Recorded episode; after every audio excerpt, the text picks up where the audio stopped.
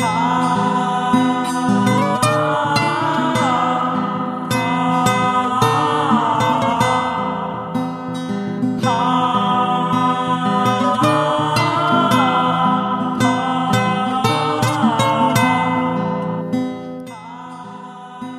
och hjärtligt välkomna till Spelsnackarna! Jag heter Kristoffer Och jag heter Patrik. och det är vi som är Spelsnackarna. Jajamän! Alone at last. Jo, men lite så. Alltså, det har varit väldigt konstigt sista tiden för att vi har gjort så mycket specialgrejer. Eh, Men nu är vi här med ett avsnitt som de ska vara, eller vad man säger. Ja, med, med den lösa struktur vi ändå försöker hålla. Ja, men precis. Eh, så är det ju. Jag, jag ber om ursäkt i förväg om jag är, är lite trött och sådär, men jag har eh, legat hemma alldeles utslagen hela helgen. Eh, I sjukdom. Så att jag, eh, jag ber om ursäkt i förväg, men det är kul att göra podd, så att det gör vi ändå.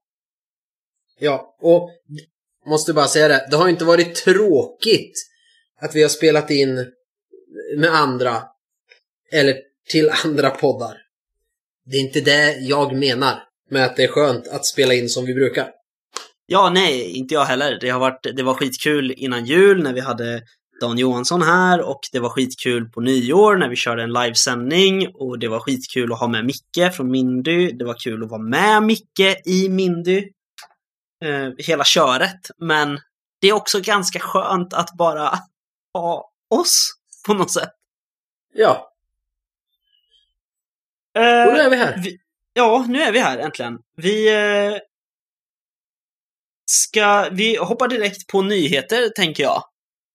Eh, några av dem är inte så nya längre, kanske. I alla fall en av mina, men... Eh, ganska ny ändå. Men du kan ju få börja Patrik, för du skröt ju om att du hade två stycken. Skröt och skröt. Eh, den 25 februari kan man skriva upp på kylskåpsdörren. Eh, för då är det Kickstarter för nya utgåvan av sagospelet Äventyr. Stämmer bra. Eh, jag måste säga att jag, jag eh, är, jätteglad just nu på Daniel och hela, hela gänget, vilka det nu är som är involverade. Men han har ju delat ett omslag ganska länge på nya utgåvan. Jag tror, frågan är om vi nämnde det här? Har inte jag pratat om det här redan? Nej, jag tror inte det.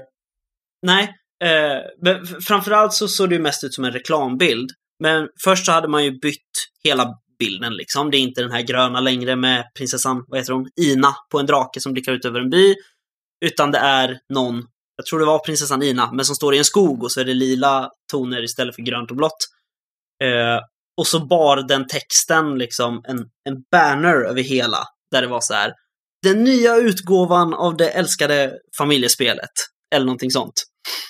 Eh, och det, så det såg mest ut liksom som en som ett flygblad, liksom. Reklam för Kickstarten.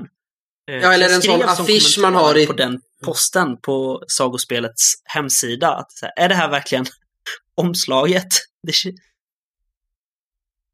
ja, nej men precis. Eh, och istället så blev det liksom Sen fick vi ju en, en ny bild, så att den som kommer vara nu är ju väldigt lik den gamla boxen, tredje utgåvan, men fortfarande ser den väldigt fräsch ut.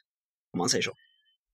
Det gör den och när man går in, de har gjort, om man går in på sagospelet eh, aventyr.se, eh, deras hemsida, så finns det ju en Mm. liten teaser-video där. Eh, och det är ny layout, eh, säger de att det är. Och det blir ju en box, reglerna är lite fixade. Sen står det lite kryptiskt, nytt upplägg. Och sen är det bilder på vad som ser ut som fyra, fem häften. Det kan ju vara bara bilder, men jag får intrycket att det är häften. Så frågan är om de delar upp det mer, liksom regler, setting, magiregler eller hur de gör. Det ska bli spännande att se. Mm. Eh. Alltså det är ju fyra häften, det står det ju i listan. Ja, ja precis. Men, men hur blir upplägget i häftena? Vad är det? Just det. Hur är uppdelningen på de fyra? Det ska bli spännande att se. Mm. Eh, Sen är ju det viktigaste att vi är i en helt ny värld också. Inte i Mm. Masona längre, utan vi är i, vad heter den, Ariba va? tror jag. Mm. Eh, ja, jag är inte säker, eh. men jag tror det är Arriva. Mm.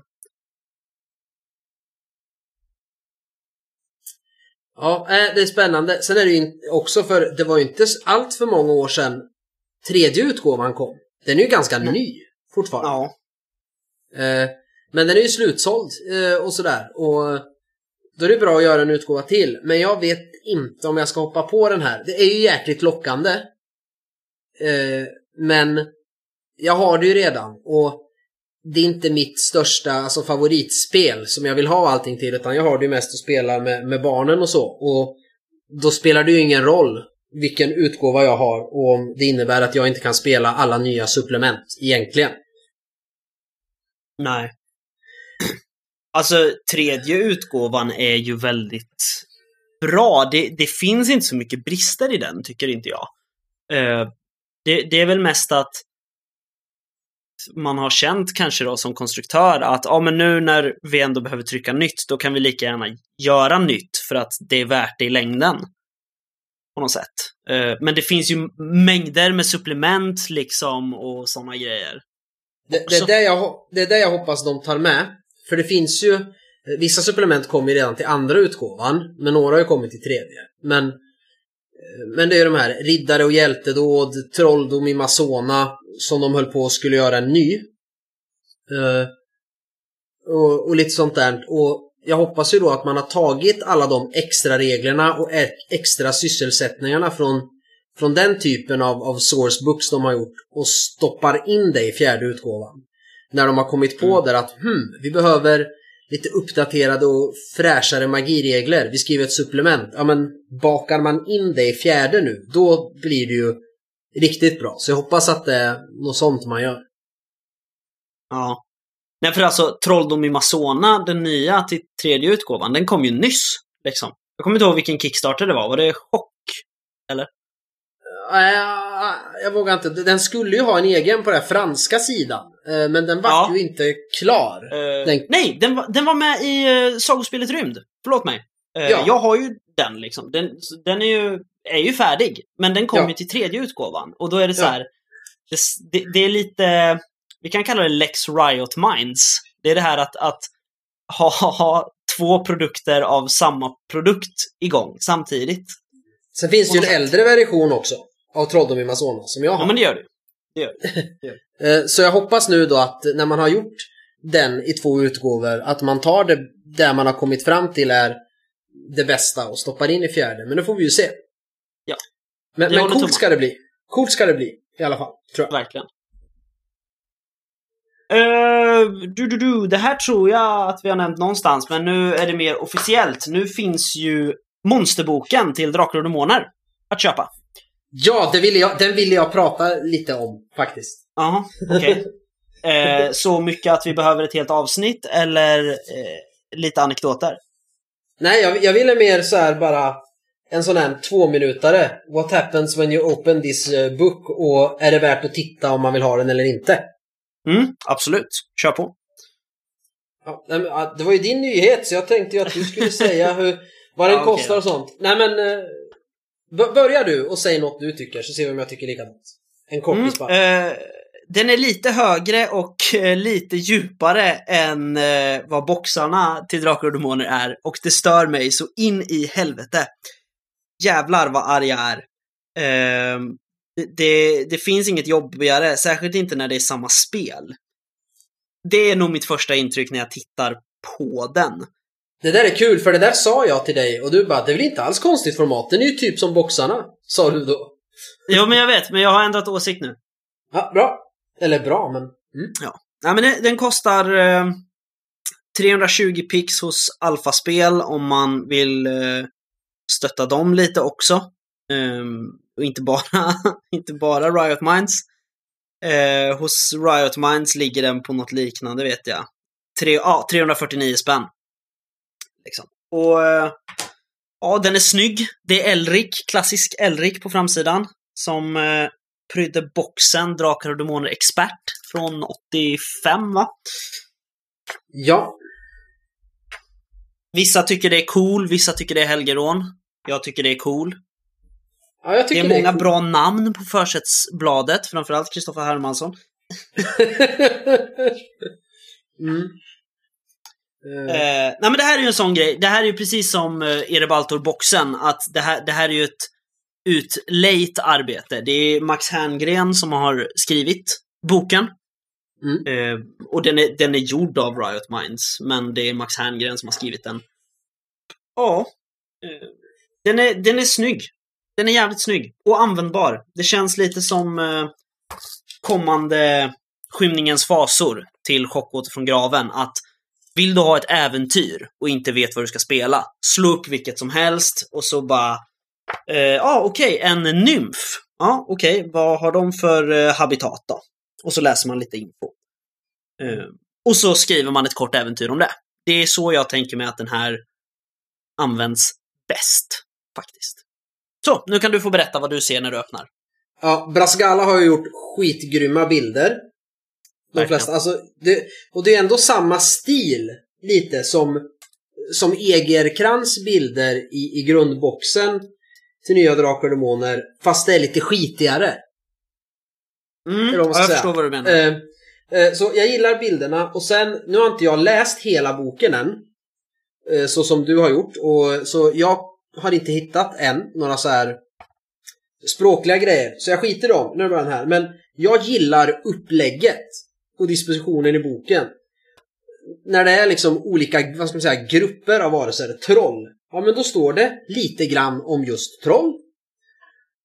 Och eh, habitat och sånt och saker som är gemensamma för alla troll. Typ alla troll har mörkersyn, det funkar så här. För då behöver man inte skriva det på varenda troll. Eh, och sen så kommer det uppdelat de olika sorternas troll. Med statblocks och habitat och lite stämningstext. Så att jag tycker de har fått till den bra. Eh, ja men eh, hur de har lagt upp den helt enkelt. Mm. Eh, uh, jag, jag, saknar ett monster dock. Ja. Uh, det är drakkapitlet.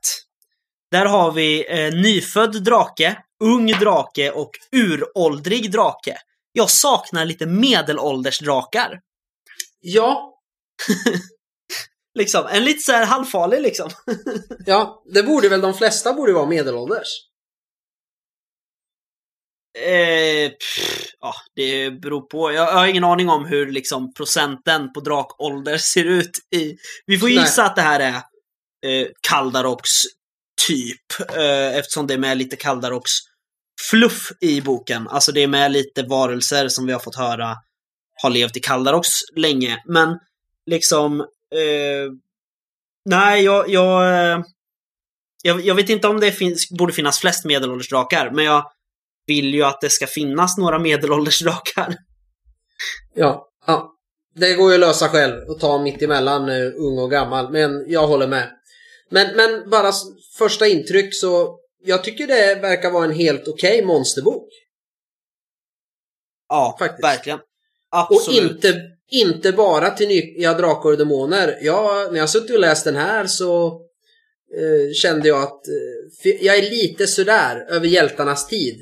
Eh, eh, med vad det finns där. Så att eh, jag har hittat många varelser skulle jag egentligen kunna ta rakt av. Jag behöver bara ge dem ett värde för gard och hälsa. Sen går ju de att stoppa direkt in. Ja. Sen heter färdigheterna olika men om färdigheten i hjältarnas tid heter eh, hoppa snabbt och här i står det snabbhopp så är ju det en enkel konvertering. Ja, Eh, nej men det, det, är ju fördelen med att det är BRP i grunden. Bägge liksom. Eh, mm. Gillar framförallt sista kapitlet också, för det är någonting jag saknar i många rollspelsböcker. Och det är ju skattkapitlet. Mm. Det finns lite tabeller med skatter beroende på storlek. Alltså det här finns ju i eh, Hjältarnas tid och den är ju väldigt användbar. För då kan man skriva, jag har gjort det när jag har skrivit äventyr till Hydra så har jag skrivit så här, ja, slå ett slag på skattetabell 4. Liksom. Det är en lätt hänvisning. Liksom. Ja. Eh, så att om, om man inte vet eller inte orkar bestämma, då, då är det bra. Och här är det så här, vad har en ung drake för skatt? Vad har en uråldrig drake? Vad har ett troll? Det är lite användbara slag. Ja. Så vid, vid första intryck, jävligt snygg. Bra jobbat. Eh, inte så sen i leveransen heller.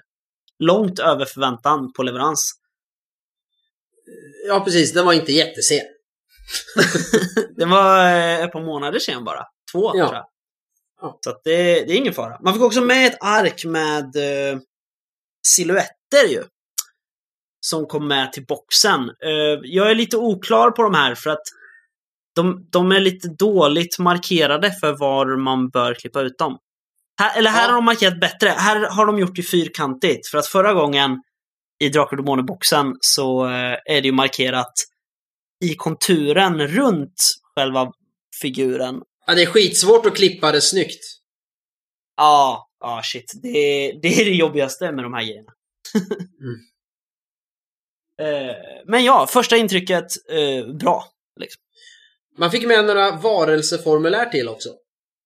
Mm, precis, de var ju också med i boxen. Ja. Yes. Ja, men, eh, bra Så det- monsterbok faktiskt. Bra. Bra, bra Mm. monsterbok. Hade du någon mer nyheter? Eh, ja! Sommerlund City Maps Ha, är eh, levererade, de engelska kartorna. oj! Till backare. Ja, till backare i alla fall. Eh, nu finns det också för försäljning i eh, Åskfågelns webbshop. De svenska kartorna har dock eh, försvunnit från webbshoppen och det har ju sina skäl till att de är sena för att den som gjorde jobbet med översättningen det var Olle Salin som eh, tragiskt nog gick bort för en tid sedan. Eh, och då, då är frågan om det är så att de har tagit bort dem i webbshoppen för att ja, men de vill inte ha dem innan de är färdiga. Liksom. Så kan det vara. Sen kunde man förut, för, alltså för några månader sedan, köpa dem som en slags late pledge i, i shoppen. Och det har ju jag gjort med de svenska kartorna. Men de kommer i alla fall dröja. De engelska kartorna har gått ut i backare och de borde gå att köpa i butiken nu. Mm. De är jävligt snygga. På bild i alla fall. Jag har inte sett dem fysiskt tyvärr. Eh, Ja, det var nog mina nyheter. ja. Eh, vi har fått eh, de som backade. Eh, de kommer när som helst i, i butik också. Men eh, eh, Muspelheim till eh, Truvan Chronicles har kommit. Ja, just det. Är, är, den grym? Eh, jag har inte läst hela och sen följde det med tre stycken äventyr. Jag tror det var ett hardcover och två softcover. Eller Ja. en av dem är en kampanj. Eh, och kartor och grejer. Men alltså det, det är ju samma bildspråk och layout som resten av Truvan Chronicles. Det vill säga Mm. inte riktigt lika snyggt som de första Trudvan-grejerna på svenska. Eh, men story-wise och eh, artmässigt så är det ju helt fantastiskt. Man får lite mer så här, vad är dvärgarnas mammor egentligen? Men man får inget tydligt svar. Eh, sen har inte jag läst kampanjen helt så att jag vet inte om det kanske svaras på där. Och jag har Mm. inte läst den svenska Eld och Sot. Men nu har vi ju fått lite grejer till Turvan Chronicles. Så att nu vet jag vad jag ska förvänta mig när jag backar eller köper det. Och jag blev inte besviken för jag visste vad jag skulle vänta mig. Det är lite korrfel, eh, men eh, inte mycket så det stör så. Sen har jag inte läst hela än som sagt, men men, men jag vet ju att det kommer troligtvis vara det. Jag vet att den skulle vara sen. Men jag vet vad jag förväntar mig av för känsla och, och för bildspråk och det får jag. Eh, så de håller ju samma linje så att säga. Ja. Jag tror jag förstår den analysen. Ja, sen, sen kommer jag ju... Jag är inte jättehypad. Eh, eftersom man ändå vetat ganska mycket om dvärgarna. Nu är jag ju mest spänd att se när de kickar live nästa grej. Som är boken om alverna. För den har ju inte kommit förut på svenska heller. Så jag, den är jag sugen på. För det är så mycket jag hoppas man ska få svar på. Ja, alltså det är ju... Det, den, det är ju ny text, alltså ny info. Det är ju liksom... Vi har ju snackat, jag och han som Fredrik som spelleder Snösaga-kampanjen. Vi har ju pratat om att själva skriva ett dokument om alverna. Eh, liksom, för att det är så här, det är så mycket vi vill veta, så varför bestämmer vi inte det själva? Och sen så börjar de tisa lite, liksom på sin hemsida och på Facebook. Liksom, ja, nu är det något som händer i skogen i Trudvang. Och så annonserar de att den kommer nu. Och det är väl den som är näst på tur, va? Ja, eh, så jag är ganska taggad på när den kommer. Eh, för den ska jag ha. ja. Faktiskt. Sen har det säkert hänt mer, men vi har inte pratat nyheter på ett tag så att eh, lite har man glömt och lite är säkert inga nyheter längre. Nej, precis. Så det är inte värt att dra dem nu. För alla vet redan. Ja. Uh, har du spelat någonting sen sist då, Patrik? Det har jag! Yeah! Uh, du och jag satt ju för ett tag sedan och spelade Mörkborg. Det gjorde vi. Uh, och vi återkommer till det sen, så vi, jag tänker vi behöver inte ta så mycket om hur det gick nu. Nej, okej. Okay. menar du att vi återkommer till det i ett senare avsnitt eller när jag berättar vad jag har spelat sen sist? Nej, just det. Uh, vi skulle prata om något annat. ja, det är inte Mörkborg vi ska prata om nej, idag, Patrik. Det, nej, det är ett annat avsnitt. Ja, okej. Okay. Uh, nej, men lite grann. Vi gjorde ju lite kul, för det var att Mattias kunde inte vara med och spela på våran speldag. Mm. Alltså, han vill spela Mörkborg och så bara hmm, hur då? Så att det vi gjorde var ju att vi spelledde varannan scen. Ja, lite såhär stafettspelledande. Ja. Eh, och det var ganska kul. Det var väldigt kul, tyckte jag. Eh, ja. Storymässigt sådär så fick man ju lite rätta sig efter vad du hade bestämt eh, fanns där nere och eh, jag glömde ju ganska mycket saker som stod i texten. Eh, och, och då när du bara ja men ska det inte stå ett skelett här? Och bara, jo jävlar! och, och det var ju felet att man vad heter det? läste på, vad heter det? Att, att jag satt med boken också. Man skulle ju egentligen bara hållt för det rummet man inte var spelledare för. Ja, vi spelade ju äventyret Svart sörja som eh, var med i grundboken kan vi säga. Så att alla är med på det. Mm. Eh, nej men det, det, var kul och är det något spel man kan göra en sån där grej med så är det ju det här. I och med hur det är upplagt för att Spelar det någon roll om det var ett skelett i hörnet?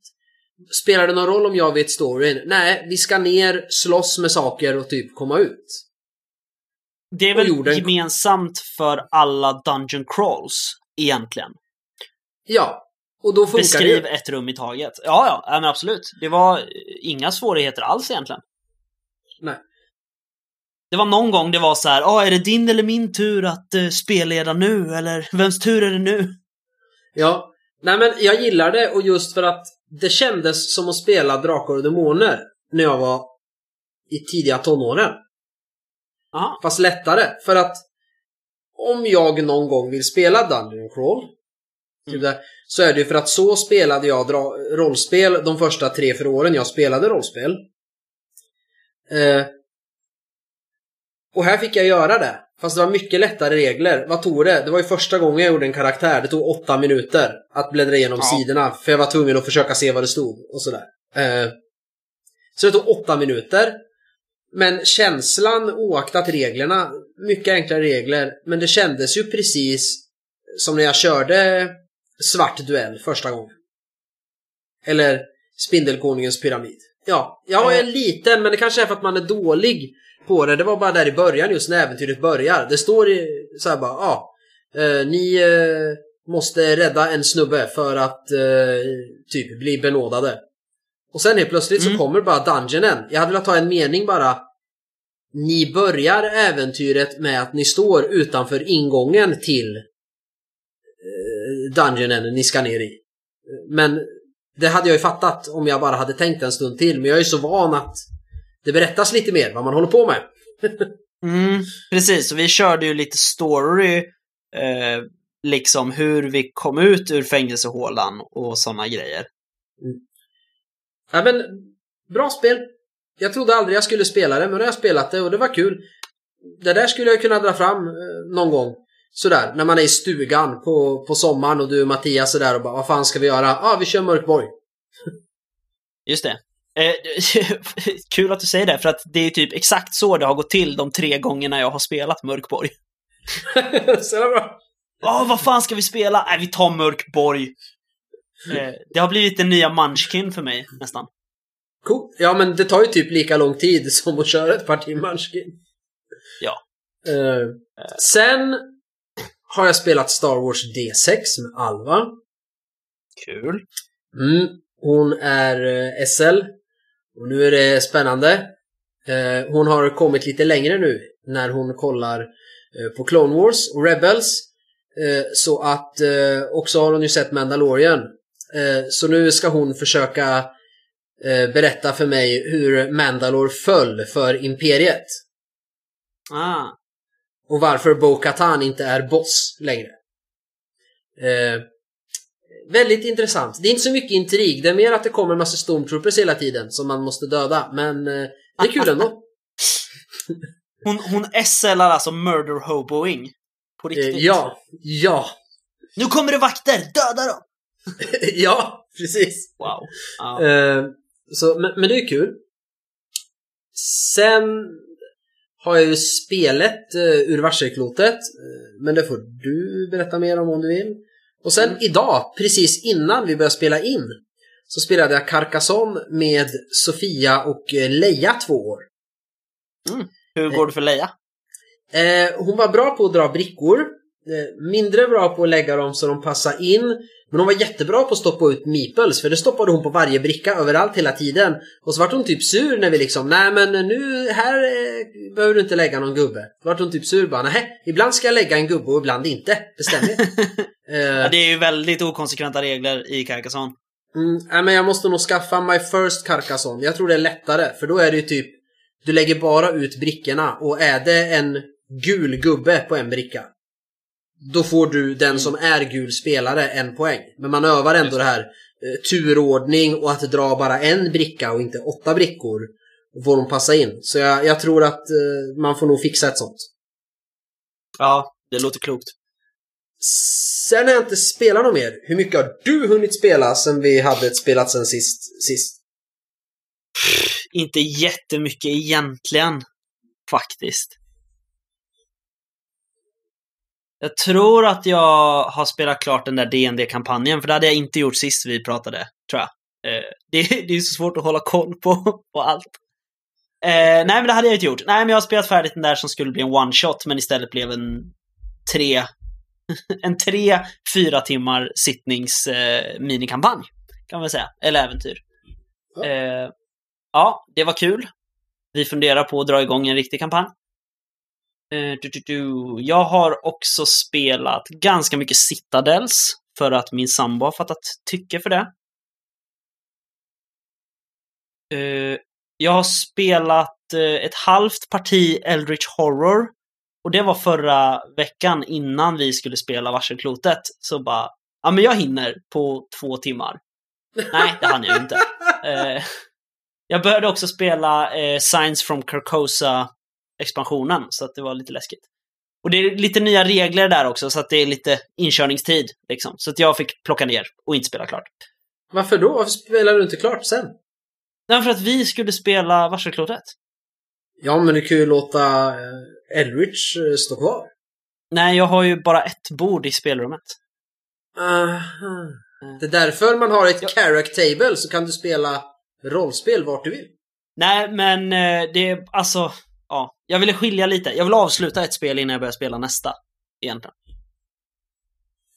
Annars är det ju sådär med de där. Eh, både Arkham Horror, Eldritch Horror, Matches of Madness att jag har svårt att, att hinna spela klart i en sittning så då ockuperar jag ju ett bord och så får det stå uppe för vissa andra spel kan man ju så här ta en bild på med sin mobil och anteckna men de där de, de får stå och så spelar jag klart en annan gång.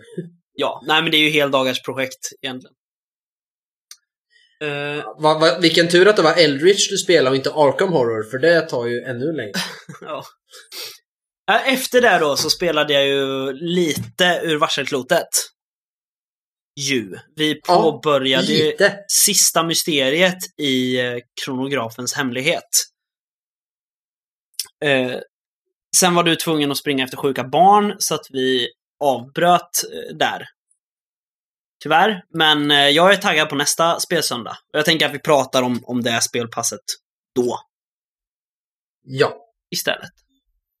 Eh, sen hände ju samma sak då, som du och jag gjorde när vi började spela Mörkborg.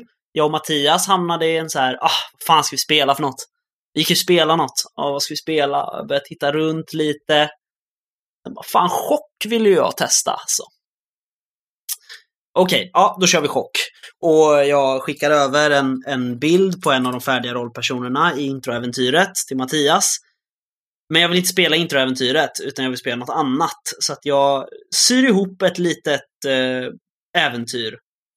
Jag sitter och bläddrar i så här chockmästarens bok och bara ah, vilket väsen ska det vara som är skurken? Helvete. Eh, I panik. Och får ihop ändå tillräckligt för en dryg 90 minuters spel tror jag. Jag Kul. håller, ja, jag håller på och skriver ner det faktiskt. Jag kallar det för skymningsgåtor, men jag har inte bestämt än om det ska vara någonting som jag skickar till någon eller inte. Vi får se. Han ni spela klart? Ja, det hann vi. Det var väldigt kul, lätta regler, eh, smidiga regler. En del grejer hoppade vi över för att vi hade inte riktigt koll. Så att det, ja, om man läser det här så kommer man känna ganska mycket närhet till, eh, vad heter det nu då? Ett äventyr till Delta Green som heter Last Things Last. Faktiskt. Mm. För att jag hade det i huvudet lite och så körde jag lite improvisering därifrån. Liksom. Men inte exakt samma äventyr. Kul. Nej. Eh, jag har också spelat ett halvt, eh, en halv omgång Mice and Mystics. Eh, Mm. återigen. En halv omgång. Nej, men jag, på webbhallen hittade jag det med rejäl prisminskning från tidigare. För jag vet att förut kostade det ju typ tusen spänn. Lådan. Ja, Jag tror jag gav nä- 800 för mitt. Ja, nu kostar det typ 650. Så att jag passade på att köpa det. Och min nuvarande grej det är att hitta ett spel jag kan spela med min sambo. Liksom, återkommande.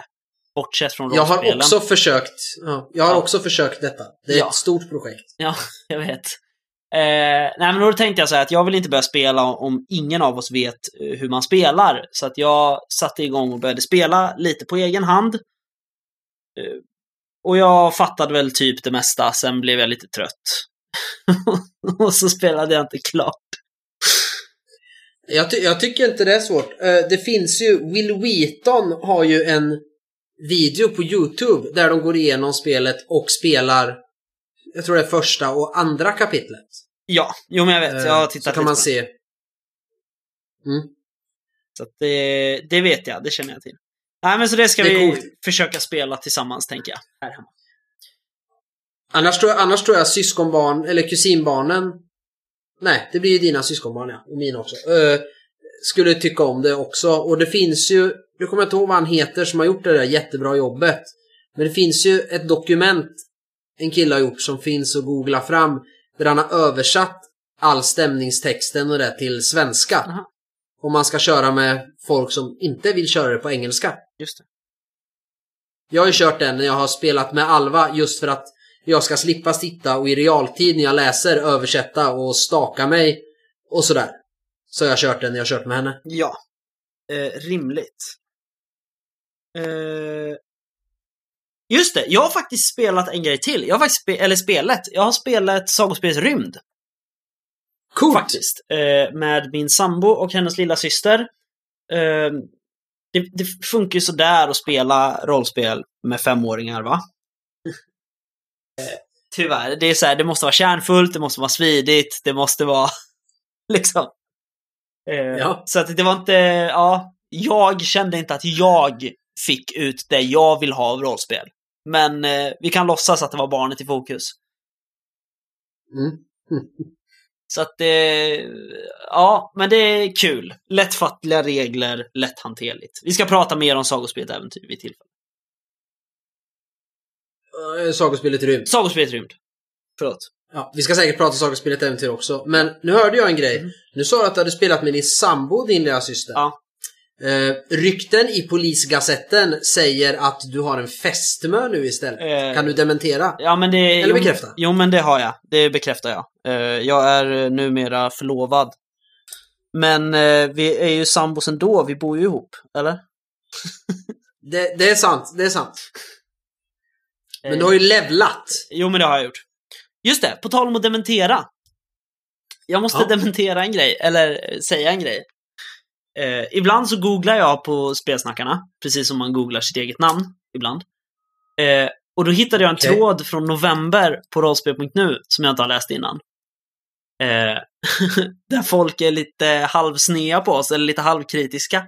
För jag har sagt att eh, emissarien som försvann är ospelbar. Och det är så här.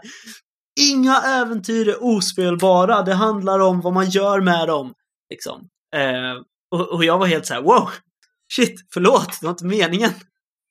Eh, jag säger bara att det är svårt att läsa det och liksom tänka ut hur jag ska spelleda det här. Eh, liksom. Så att jag, jag måste bara få säga det, att jag håller med.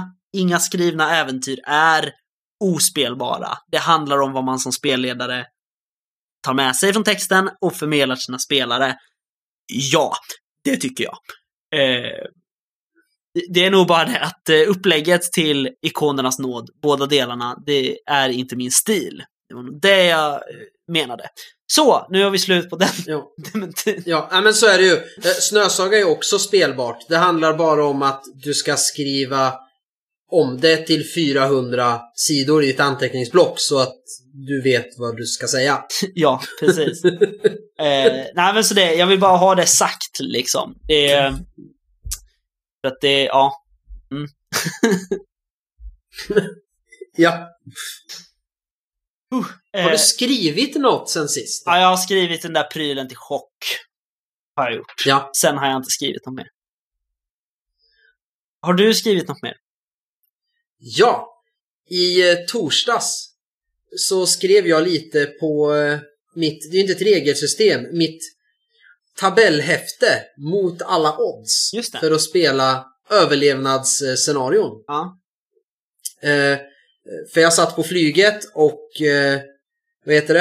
Eh, inget wifi. Eh, det poddavsnittet eh, jag hade laddat ner och skulle lyssna på hade jag tydligen inte laddat ner så jag kom inte åt det offline. Och jag hade läst ut Darth Vader Dark Lord Rising eh, under säkerhetsdemonstrationen. Så jag bara fuck. Och så började jag kolla, vad har jag för dokument på telefonen som är tillgängliga offline? Ah, de här tabellerna jag gjorde. Eh, så att eh, det har jag skrivit lite på. Jag gillar det mer och mer. Ja. Bra. Jag tror, alltså jag har ju skrivit det, det blir ju sådär, för jag har ju skrivit det för att man ska kunna plocka upp det och köra den typen av scenario fast på en öde ö eller något oaktat regelsystem. Men jag tror det gör sig eh, väldigt bra med något Fate-baserat eller år 0-motorn. Mm. Och sen börjar jag skratta när jag har skrivit saker som kan hända i en tabell. Så här, slå eh, en gång varje dygn. Och så är det så här, urinvånarna anfaller. Kanske har ni snott deras gudabild. eh, står det sen. Och sen när man kollar den första där man slår för vilken setting det är, vad som har hänt. Är så här, vilse i norrländska granskogen. Jag så här, hmm, urinvånare anfaller. Det kommer det galna samer på skotrar och hetsar en till döds eller vadå? Så att, jag tror det kan bli skitkul. Wow. Det är ju ashäftigt. Ja, man kan ju självklart hamna ute i Sahara också och då eh, ja, ja. Kommer det väl eh, något annat.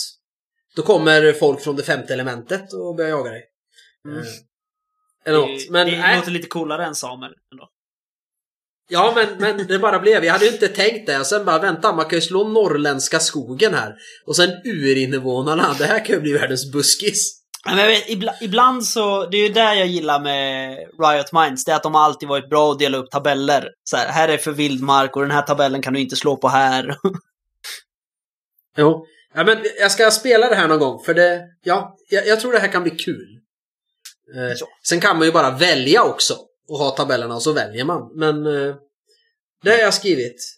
Ja. Eh, och sen sitter jag och väntar Sen sitter jag och väntar på att någon annan ska skriva. Så att eh, vi kan säga att vi har gjort massa saker. Ja, just det. Ja, jag, jag ska skriva någon gång. Nu ska vi se! 40 minuter in ska vi reveala att det här avsnittet är faktiskt sponsrat. ja, Eh, faktiskt. Då kan ni lära er att bättre plats så här får man inte av spelsnackarna. Eh, vi har ju fått post under januari av eh, Fria Ligan, faktiskt. Jajamän, tack så mycket. Ja, tack så jättemycket. De skickade till oss eh, Nordiska väsen. Dels eh, rollspelet, alltså grundboken, och eh, mysterieboken En grym hemlighet. Och, Coolt. ja wow, vilka jävla böcker alltså. Shit. Du, eh, du har dem ju också. De, de har egentligen sponsrat mitt snack av det här avsnittet, medan du har betalat ditt snack själv. Eh, men vi har fått pdf-er också, så att vi kan säga att det är så. Jag har ju bara grundboken fysiskt, så att eh, spelsnackarna har fått en grym hemlighet. Ja, precis. Eh, vi kommer inte prata om den så mycket idag ju, för att Micke på eh, Mindy kom ju med en liten idé till oss. Och det är ju ungefär vad vi hinner med dessutom med tanke på avsnittet. Eller tiden, hur den går. Eh, och det är att vi är lite hoppiga så här, med när kommer vi på att vi har glömt en bra regel vi tycker om. Och när vi pratar om regler så ska vi börja snacka om hur bra det är kopplat till setting och sådana grejer. Så att vi ska egentligen försöka bara titta på reglerna till Nordiska väsen. Idag. Eh, på, Ja, jag är beredd att försöka, Ja. men jag tror det blir lite tråkigt. Nej, men jag tycker ju om det så mycket, så det är ju så mycket jag vill lyfta fram. Alltså med settingen och hur den är skriven för att folk ska fatta att den här vill jag ha. Just det. Eh, men, men jag ska försöka hålla mig till reglerna. Men- Jag har ju men- sagt någon gång i podden att jag gillar regler. Ja, men vi kan väl göra så. Vi kommer behöva göra ett avsnitt till förstås, där vi snackar om settingen och mysterieboken och sådana grejer. Men, Ah. eh, så det här är inte sista gången vi pratar Nordiska väsen. Absolut inte. Så att jag tänker därför att vi snackar lite idag. Om reglerna. Framför allt, ja, framför allt vill jag ju, jag, jag tycker att det blir nästan två avsnitt till. För det är ju Nils Hintze som är huvudkonstruktör. Och jag har ganska, jag har några idéer vad jag skulle vilja göra tillsammans med Nils Hintze till Spelsnackarna. Just det. Så att vi vill bjuda in honom till spelsnackarna. Det är det, det du säger främst. Ja, och prata nordiska väsen och andra saker. Eh, vi kan väl börja med att säga att det här är ju Year Zero Engine. Fria Ligans regelsystem som de rockar i eh, alla sina spel. Förutom Svavelvinter och version 0. Mm. Sen inte i eh, Undergångens arvtagare och eh, Symbarom förstås. Eh, som en, nu är under Fria Ligan Label, men de är inte konstruerade av Fria Ligan. Får vi säga. Nej. Som brasklapp då. Om folk eh, tycker att det låter konstigt. Och säger att men MUA är ju inte så. Nej. Ja, precis. Eh, det, det är tärningspölar, helt enkelt. T6. Man har fyra grundegenskaper som är lite skillnad mot innan. Det är fysik, precision, logik, empati. Och så är det en rad färdigheter som hör till varsin grundegenskap. Ett tärningsslag är plocka ihop så många tärningar du har i grundegenskapen och lägg till så många tärningar du har i en färdighet. Försök slå en sexa. Typ. Ja. Eh, so far, so good, kan vi väl säga. Sen finns det ju lite mer. Det finns ju färdigheter och talanger eh, som övriga spel med samma motor. Ja, inte alla ju. Det är ju det som skiljer lite grann. För att eh, Ja. vi ska se nu. Vilket var det jag tänkte på som inte har talanger? Varselklotet har ju inga talanger, till exempel. Men det finns ju i motorn. Ja, men varselklotet är ju ett lite snä en lite snävare tolkning av Year Zero Engine, kan man väl säga. Ja. Med tanke på att det inte på något sätt finns några kroppspoäng eller sådana saker heller. Och så. Och det, just det där med kroppspoäng, det återkommer vi ju till i de här reglerna. Men man har ju eh, som i några spel också en mörk hemlighet här. Som eh, man använder för att slå, slå om lite tärningar, va? Eh, jag, jag satt just och bläddrade och försökte hitta den när du pratade om den så därför vart jag försvunn, försvann jag där. När jag skulle höra vad du sa. Eh, eller så är det, nej just det, det, så är det inte alls det. Det är väl bara det att eh, spelledaren ska använda den mörka hemligheten för att påverka äventyret. Ja, Är det jag nog snarare. det är det. Ja. Det är lite som problemet då i, varselklottet. Ja men det är det. Ett problem du skäms för och inte berätta. Ja. Det är spelarens uppgift att se till att den hamnar i fokus. Eh, sen, det jag gillar, eh, man kan ju pressa slagen. Mm. När vi ändå pratar. Eller eh, när du sa det först, att man kan göra det. Och här har de ju gjort, eh, vad ska man säga, en, en variant lite av hur man gör det i varselklotet. Mm. För pressa är ju hyfsat likadant i alla mutantspelen och i Svärdets sång. Där är det ungefär samma. Men här när man pressar, de, man har slagit ihop också. Eh, fysik och precision, de räknas som fysiska färdigheter och logik och empati är mentala färdigheter. Yes. Och man, har, och man kan ta tre tillstånd i vardera, så man slår ihop dem. Tre tillstånd i fysiskt eller tre i mentalt. Så det där du gör när du vill pressa och slå om tärningarna som inte visar eh, sexor. För ettor spelar ingen roll här. Nej. Eh, utan då slår du. Och, eh, och vill du då pressa och du använder en färdighet med fysik, du använder närkamp. Ja, då kryssar du ett av de tre tillstånden i ett fysiskt tillstånd. Och då får du minus ett på allting som har med båda de, vad heter det, fysiska grundegenskaperna att göra. Ja, precis. Så även om du kör närkamp som då baseras på grundegenskapen fysik då står det tillstånd då får du ju även eh, sämre i lönndom och läkekonst. Och det, det är lite intressant. För det är annorlunda mot de andra. Ja, eh, och det, det är ju som du sa, du nämnde ju det i... Eh, det kan ha varit nyårsavsnittet redan. Då nämnde du att du tycker att man har tagit det bästa från alla Year Zero-spel. Alltså reglerna från det som är bra i det här och det som är bra i det här och slagit ihop det till något som är jättebra. Ja, men, men det är för att det, det passar Mm. bra. Dels är det enkelt, precis som det är Mm. eh, i varselklotet. Och det, är det. det hade ju blivit konstigt här att försöka få in det att du pressar och går sönder lite och får mutationspoäng eller magiska väsenpoäng. Utan jag tycker det funkar. Ja, Sen är det ju väldigt, vad ska man säga? Det är ju inte förlåtande alls i och med att det drabbar hälften av dina färdigheter när du tar ett tillstånd. ja, precis. Eh, Det är ju väl, det märks ju väldigt tydligt när du tar ett tillstånd. Mm.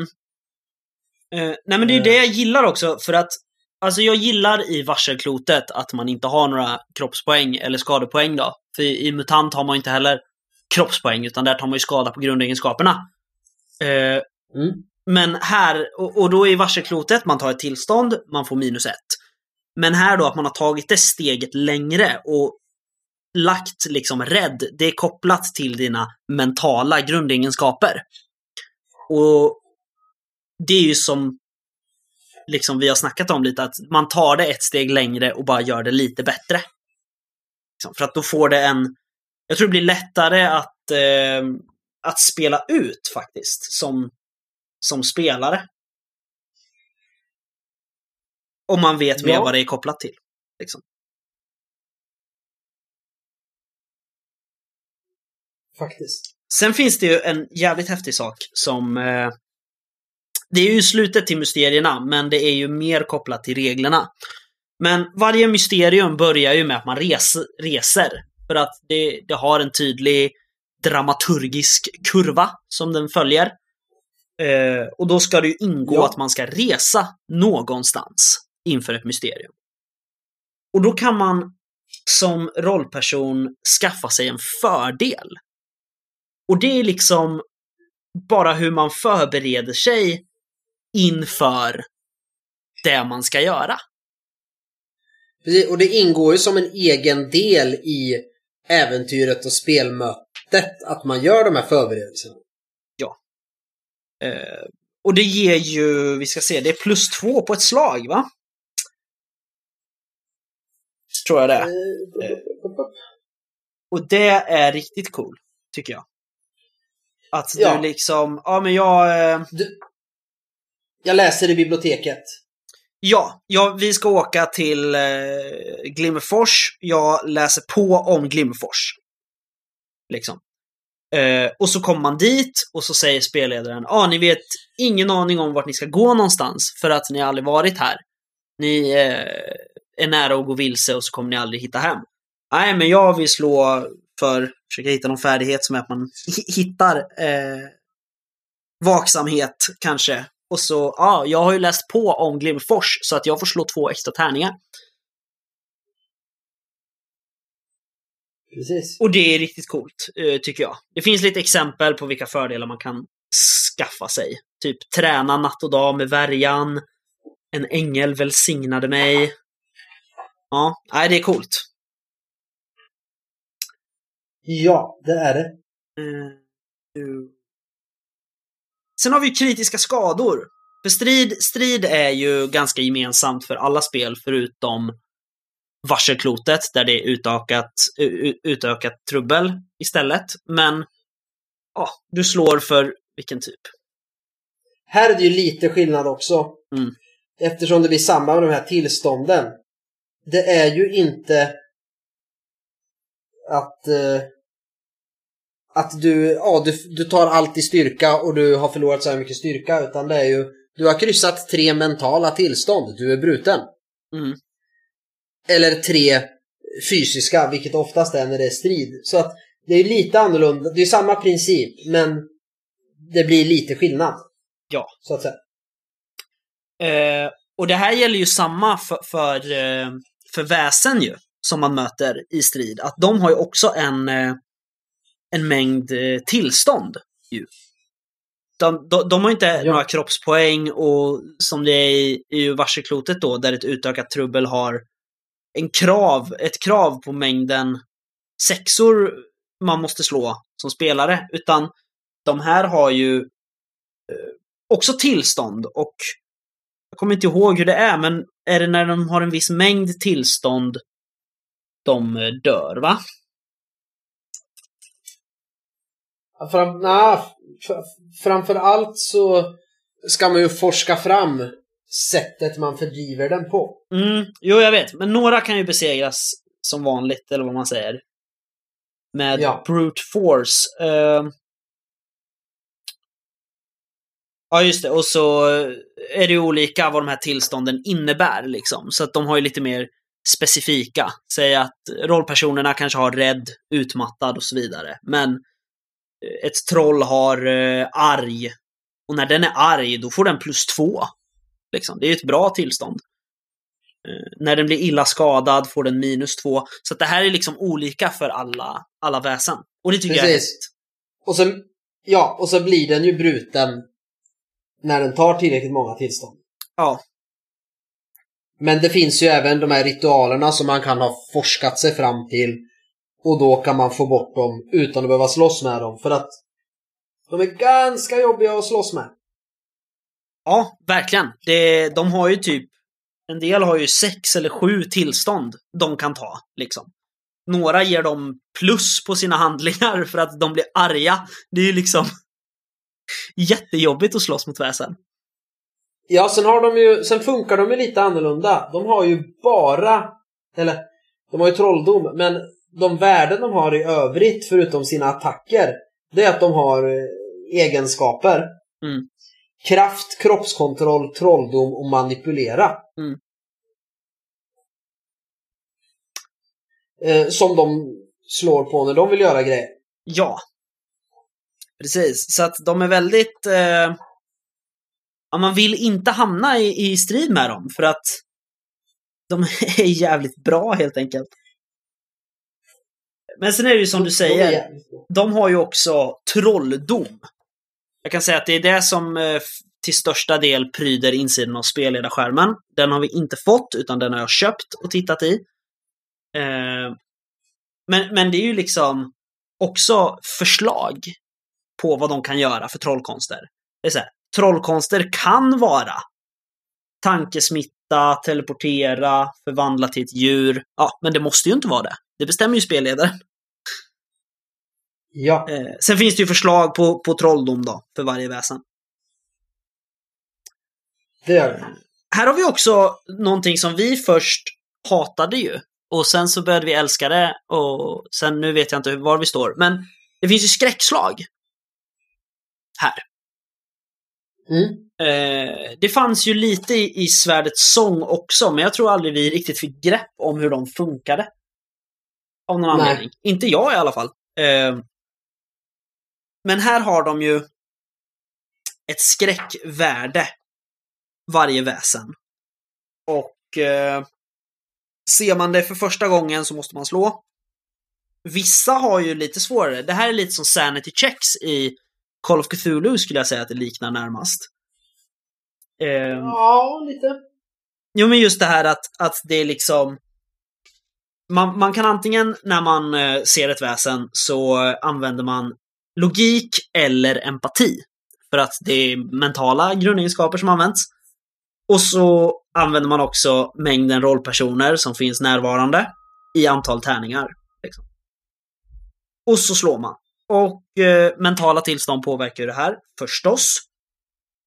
Och sen då så matchar man ju det här mot skräckvärdet, liksom, på dem.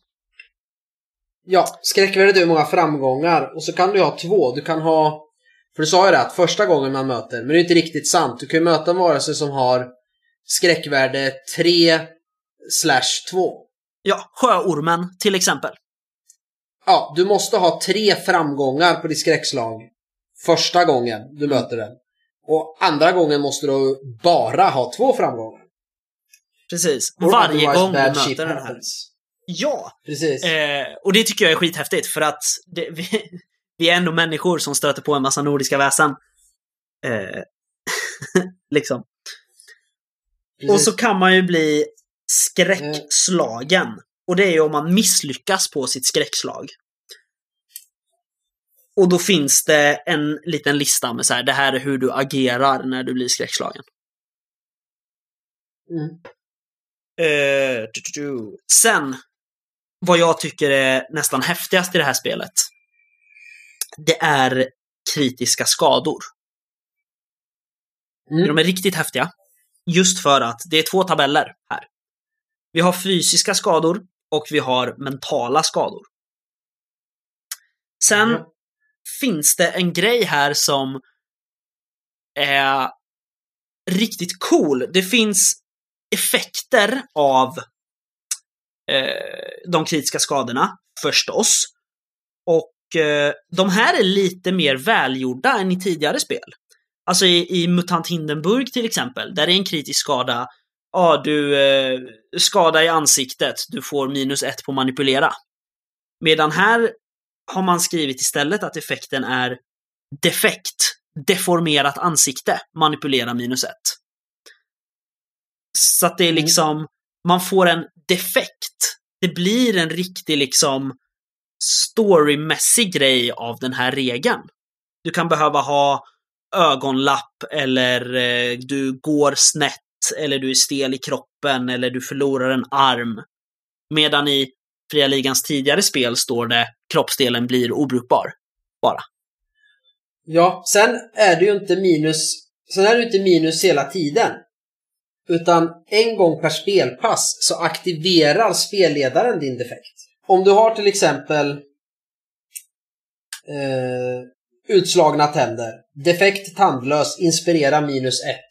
Så har du inte minus ett på alla inspirera-slag utan en gång per spelpass kan spelledaren åberopa det. Ja men eh, din eh, effekt eh, tandlös gör att du får minus ett på det här försöket att inspirera byborna att följa er och döda den onda vetenskapsmannen. Ja. Eh, nej men så är det. Och sen så, så det är ju riktigt coolt att det faktiskt det får en effekt som är större än att ah, du riskerar att dö om en T6 timmar. Och det gillar jag. Precis, men det tar ju inte slut där utan de som förut var eh, i de andra spelen direkt dödande, det är ju typ eh, om man på kritisk skadetabellen slår 61 till 66. Mm. Då har du typ de här eh, hjärtat slits ut ur kroppen, du är död. Ja. Eh, men nu om du slår dem istället, då får du ju en insikt istället för en defekt. Precis. 61 till 66 på både den fysiska och mentala eh, tabellen.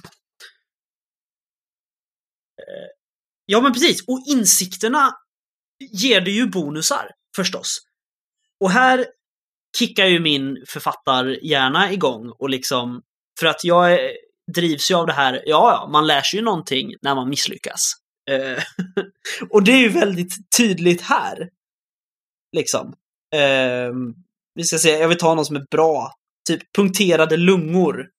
Insikt, änglavakt, rörlighet plus fyra. Precis, och den, den insikterna kan ju du som spelare åberopa en gång per spelpass. Och där kan man göra lite olika. Antingen så kan du välja, och det är samma sak för SL där med minus. Du kan välja att få plus på ditt tärningsslag, Mm. så många som det står. Eller så kan du välja att få en vision. En, en sanddröm eller förståelse av ett problem. Ja. Precis. Eller ge en annan människa under en scen förmågan att se väsen. Mm. Och så det är lite så att jag tycker de är coola. Ja, jag tror min absoluta favorit, det är nog eh, på mentala kritiska skador. Invaderad av andras känslor. Insikt. Total empati. Ja, precis. Genomskåda plus fyra. Eh, den gillar jag. Väldigt mycket. Eh, nej men så att jag, jag... Ja, nej men sen finns det ju förstås regler för sprängladdningar och fallskador och rustningar liksom. Men det, det är inte så mycket att bråka om för att det, det är samma som tidigare Year Zero grejer. Liksom. Strid, ja, slå för vapnet. Lägg till bonus. Ja, eh, nej men vad som är väldigt speciellt här, och det är ju också en sån grej som är tagen då från ur varselklotet, det är att vi har inga vad ska vi säga? Nej, det här finns ju i varselklotet förresten. Vi har inga som helst specialpoäng, eller vad vi ska kalla dem. I MUTANT år 0 så har man mutationspoäng, eller energipoäng, eller vildsinnespoäng. I eh, Svärdets sång har man kraftpoäng. I MUTANT Hindenburg har man också kraftpoäng. Här har vi ju inget sånt. Eh, för att Nej. det finns egentligen inte så mycket att göra med sådana poäng här. Eh, men det gör ju också att, för som i varselklotet då, där man har sina turpoäng som extra poäng. Vi lägger det i kategorin extra poäng bara. Eh, där får du ju slå om. Här har du ju inga sådana poäng heller. Nej. Men du har ju lite andra saker som kan ge dig bonusar. Eh, Vi har istället. Precis. Eh, vi har ju till exempel det vi sa om förberedelser. Sen finns det ju en till, den här förbereda utrustning. Det ingår ju också innan du reser iväg. Så kan du ju liksom, när du ska köpa prylar, då kan du ju som ett steg i eh, uppdraget eller alltså scenariot förbereda och skaffa ny utrustning. För det ingår så i spelsessionen. Ja. Eh, och det tycker jag, även om vi ska prata regler, och det gör vi ju, men när man då läser reglerna och det här med eh, förbereda utrustning, göra sina förberedelser och inspirera och även, vad ska man kalla dem, arkreglerna, men basreglerna som i det här spelet är mest likt Svärdets sång i och med att det finns olika befattningshavare du kan anställa också. Mm. Fäktmästare, betjänter, mecenater, bibliotekarier och så vidare. Och det är ju att, att de har valt, eh, som vi sa här, de bästa bitarna ur de andra spelen Mm. med samma regelmotor och kopplat ihop det. Det gör att man kan följa den här strukturen de tycker man ska följa. Det, reglerna är ihopsatta som de är för att följa den strukturen på ett scenario. Och allting i reglerna förutsätter ju och främjar att man spelar som det är tänkt med det här mystiska sällskapet man tillhör. Med en bas att utgå ifrån där man får sina uppdrag. Och där kan man förbereda sig och jag tror det är därför framför allt jag tycker reglerna är det bästa från alla Year Zero eh, motorspel. Mm. För att det passar in i hur spelet är skrivet. Ja, det där, det där skulle vi inte prata om. Eh, jo, men jag, jag vet. Jag förstår vad du menar. Eh, vi, får, vi får prata lite om det. Men eh, Ja, nu ska vi se. Det var något jag hade tänkt på i... Eh, för utrustning, men jag kommer inte ihåg det. Jo, vi får säga. Eh, det finns ju en viss uns av eh, magi bland rollpersonerna också. Man kan ju spela trollkunnig. ja det är en arketyp. Ja, precis. Och den personen kan ju vara illusionist, bland annat. Och eh, då kan man liksom använda trollkonster, lättare trollkonster. Jag tänker mig typ mindre trolleritrick. Liksom. Mm. Eh, men jag, för jag har letat runt lite och försökt hitta någon så här jättetydlig Liksom, ja ah, det här är begränsningarna för trolleri och det här är tydligt med trolleri. Jag har inte stött på det än. Jag tror jag får läsa boken igen. Sen har vi hittat en grej, ju. Eller jag har hittat en grej. Mm. De eh, har ju total rippat handelssystemet från den mörka regimen. Åh, hatar när folk snor grejer från oss. Ja, man har en levnadsstandard. Ja, vad har vi? Vi har stånd istället för att vi är på ett annat håll. Eh, sen skiljer ju de då, de, deras, de har åtta stycken. Eh, vi har ju bara tre, men ändå. Liksom. Det är ju fattig, borgare och eh, förmögen har ju de här då. Och det är ju liksom till och med samma bonus som vi har i mörka regimen. Ja. Nej, Eh, de, Ja. de måste ha tjuvlyssnat eh, på Vi spelar rollspel när de spelade Mörka Regimen och så bara nu tänkte Nils Hintze, nu ska jag skriva ett bra handelssystem här. Eh, Det kan ju också vara så att Nils Hintz har varit med i en av spelgrupperna som speltestade Mörka Regimen. Så kan det också vara och då blir it makes more sense. ja, men precis. Jag börjar, ja, nu jävlar. Nej, men det, vad ska man säga, det är...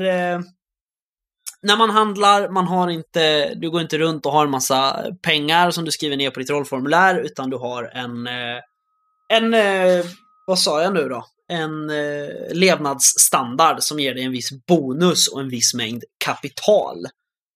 Och när man handlar helt enkelt så eh, slår man för manipulera och lägger till bonus från sin levnadsstandard. Och man får köpa utrustning för så många framgångar, alltså sexor man får. Och de har ju en nivå på 1 till 3 va? Utrustningen. Är det något som har högre? Nej, det har nog 1 till 3. Nej, Nej, det är no några vapen som har 4. Några vapen har 4. Eh, ja, men säg 1 till 5 då. Ja, det verkar det vara. Eh, ja. så för att köpa någonting som kostar, eller har tre, som eh, en kamera till exempel, då måste du ha tre sexer, för annars har du inte råd med det här. Nej. Men däremot eh, köpa vanliga eh, prylar, liksom, då kan man handla automatiskt för att eh, ta sitt kapital då. Som är, löper 1 till 12 beroende på hur rik du är. Eh, där kan du liksom spendera. Ta bort det kapitalet den här gången.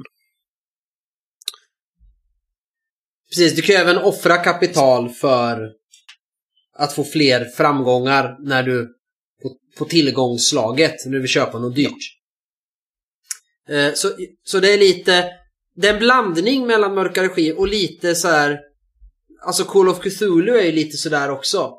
När du Mm, har att ja, precis. men du har 30 dollar i veckan. eh, eh, Så att om du bor på vanliga om du bor på schabbiga motell så har du råd. Och sen har du så här mycket cash att köpa coola grejer för.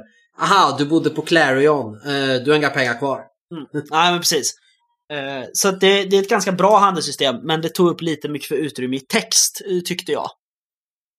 Tyvärr. Ja, jag håller med. Men det är ju det är en fet bok liksom. Är, ja, eller förresten, har du, någon, har du några regler du vill prata mer om? För jag tycker att vi har coverat det tyngsta.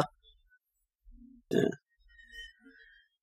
Nej, inga jag vill belysa eh, så. Utan det, det är framförallt det här med att pressa slagen som blir annorlunda. Att det finns skräckslag och, och det här med handelssystemet. Annars Annars är det väl inget speciellt. Om Nej. det nu inte är så att man inte har spelat något annat spel med originalmotorn. För då förstår man säkert inte vad vi säger. Nej, då finns det ganska mycket att säga. vi, grejen är att vi började ju för några år sedan så bestämde vi att vi skulle prata eh, mer som om vi bara pratade för folk som aldrig har spelat rollspel förr. Men jag känner att vi har gått tillbaka ifrån det lite till det gamla sättet att göra saker. Då får man gå tillbaka och lyssna på våra avsnitt om MUTANT år 0 så fattar man vad vi säger. Precis, så har man lärt sig någonting. Nej men den är ju på 230 sidor, den här boken. Liksom. Den är jävligt tjock, den är jävligt stor. Den är jävligt snygg. Ja, vad ska man säga? Mer än hälften är ju setting. Ja, så är det ju absolut. Eh, vi har ju också i slutet har vi ju ett mysterium som är med också. Så att det, det är ganska mycket grejer som, som inte har berörts. Vi har inte gått igenom eh, 300, eller vad sa jag, 220 sidor bara så. Liksom. Nej. Eh, vad kostar det då? Det kostar 450 spänn hos Fria Ligan. Eh, är det värt det? Ja, det skulle jag säga. Nu har inte jag betalat för det, utan de skickade ju det här till oss. Eh, men jag, jag, hade ju köpt det själv så småningom, om vi inte hade fått det av dem. Eh, jag rekommenderar dock att man istället lägger dryga 900 på att köpa väsenpaketet. För då får man boken, spelledarskärm, tärningar och kort. Spelkorten är i princip eh, flufftexten om väsen. Det är ju inga stats. Johan Egerkrans berättar ju i början av boken, i förordet, varför han inte vill ha stats på monster. Eh, vilket är rimligt, vi ska inte gå igenom det för mycket, men de statsen är inte heller med på korten i kortleken. Utan det står bara att ja, så här är en askefråga. Liksom. Precis. Det, det, är en sak jag inte gillar med väsenpaketet eller vad man kan köpa i Fria mm. Ligans webbshop. Det finns ju inget rollformulärsblock. Okay. Nej, det gör det inte. Uh, tyvärr. Det var det första jag, nej, det första jag kollade när jag fick det här i julklapp. Och så bara, mm, coolt. Fan, inga rollformulär. Jag måste beställa det så jag och Sofia kan spela. Men det går inte att beställa med rollformulär. Nej. Uh, det här var väl dessutom en Kickstarter också. Uh, och uh, ja. då är det ju, är ju konstigt att man inte hade det som add-on. Nu vet jag inte vad det kostar att producera rollformulär, men vi har, vi har ju snackat lite med Fria, eller om Fria Ligans tärningspriser och sådär, för att tärningar är, är dyrt och komplicerat att göra. Men rollformulär är ju liksom limmade häften har ju varenda jävla studentförening. Liksom. Uh, så det kan ju inte vara så krångligt. Men det, det står väl på önskelistan på tillbehör? I framtiden? Ja, absolut. Kan vi säga. Rollformulär. Och en, en, eh, en, en spelledarskärm 2.0. Men eh, vi har inte pratat om spelledarskärmen så att jag kan inte säga det. Nej, eh, rollformulär är det allra viktigaste. Och sen utan att ha läst En grym hemlighet så det det hintas om i introscenariot i boken mm. I want the story. Ja! Verkligen. Jag kan säga, jag har ju läst En grym hemlighet och eh, det är inte där det är med. Nej, och de bara säger, det kommer sen, jag bara Åh, jag vill veta så att jag kan få med det ännu mer i min kampanj jag ska börja med. Det där blir jag så, ja men lite småirriterad, även om jag fattar varför, för det är ju coolt och det gör ju att folk är på tå och vill köpa grejer. Men Coriolis är liksom likadant. Man bara, oh, det finns någonting som förklarar vad ikonerna e- egentligen är och, eller emissarierna och, och allt det här. Ja. Och så går det liksom två år och sen bara, nu kan ni köpa den första delen i kampanjen där det förklaras. Och så bara, men vi har ju redan spelat. Hur ska jag få in det här nu? liksom. Men jag, jag, jag känner som sagt att det, det största den, liksom, det går till alla E.ON-spelare som väntat på hela Sylfens vrede sedan 97. Liksom. Det är de mest trogna Ja, jo. Eh, och det, det är inte ute än liksom. Nej men, Nej. men så bra spel, absolut. Jag, jag längtar efter att få spela det för att få känna lite mer på det. Hands-on, liksom. För det är alltid, jag tycker alltid att det ger en bättre känsla av att spela det. Absolut. Jag ska försöka tvinga min sambo, eller snarare berätta för henne varför hon, hon vill spela det här med mig. Snarare. Eh, Ja, eh, så får vi se, helt enkelt, hur det blir. Men eh, köp det, eller önska er i present. gör det. Alltså det finns... Även fast det bara finns med liksom ett scenario som typ tar ett spelpass. Bara man läser boken, och, alltså när man läser regeldelen av boken, så har ju jag stoff till första tio spelmötena i en kampanj. Oh ja. Eh, finns ju också i ett Fenix-nummer ett av mysterierna som är med i en grym hemlighet, som heter Havets silver. Eh, det, det är väldigt bra. Jag har läst det många gånger. Eh, Mm. Så att det finns material att spela till och finns det inte det så finns det möjligheter att skriva det själv. Det finns jättebra med tabeller dessutom. Det är väldigt mycket tabeller. De har vi inte ens pratat om. Men det är för att det hör väl inte lika mycket till reglerna. Men det är hela det här invit, uppdragsgivare, eh, väsentabell, huvudkonflikt, sinnesstämning, bygdens konflikt, möten, spelledarpersoner. Det, det finns gott om grejer att slå fram. Liksom. Intressanta platser dessutom. Eh, så att det, det finns alla möjligheter. Jag rekommenderar också att man lägger Johan Egerkrans bok Nordiska väsen, alltså inte rollspelet utan hans eh, konstbok Nordiska väsen. Sitt med den, för att den ger också jättemycket idéer. Ja. Det, det gör den. Nej, men ja, vi har sagt det tio gånger nu sista fem minuterna, men bra spel. Ja, bra spel. Köp det. köp det, absolut. Och spela det gärna också. Eh, vill man se mer hur det ser ut, nu vi betalar tillbaka reklamen med lite mer reklam faktiskt. Eh, då, då ska man ju kolla på Mindys första intryck när Micke bläddrar igenom boken. Om man vill se hur det ser ut lite mer. För den möjligheten får man Ja. inte av oss. Nej, det är bara när det är nyår som eh, man får se oss hålla i spel. ja. Men vi kommer återkomma till Nordiska väsen. Vi kommer också återkomma till eh, Mörkborg, antar jag. Sagospelet Rymd. Vi kommer dessutom Alt NYC 88 ska vi snacka om. Det ligger också högt upp på listan. Vilket avsnitt som helst nu. Ja, Ja, tills dess. Vill man oss någonting så når man oss på spelsnackarna gmail.com eller gå in på Messenger och skriv till spelsnackarna. Och har man inte Messenger kommer man dit via facebook.com snedstreck spelsnackarna. bra snack. Ja, jag tycker det. Tack så du ha. Hej då Kristoffer. Hej då Patrik.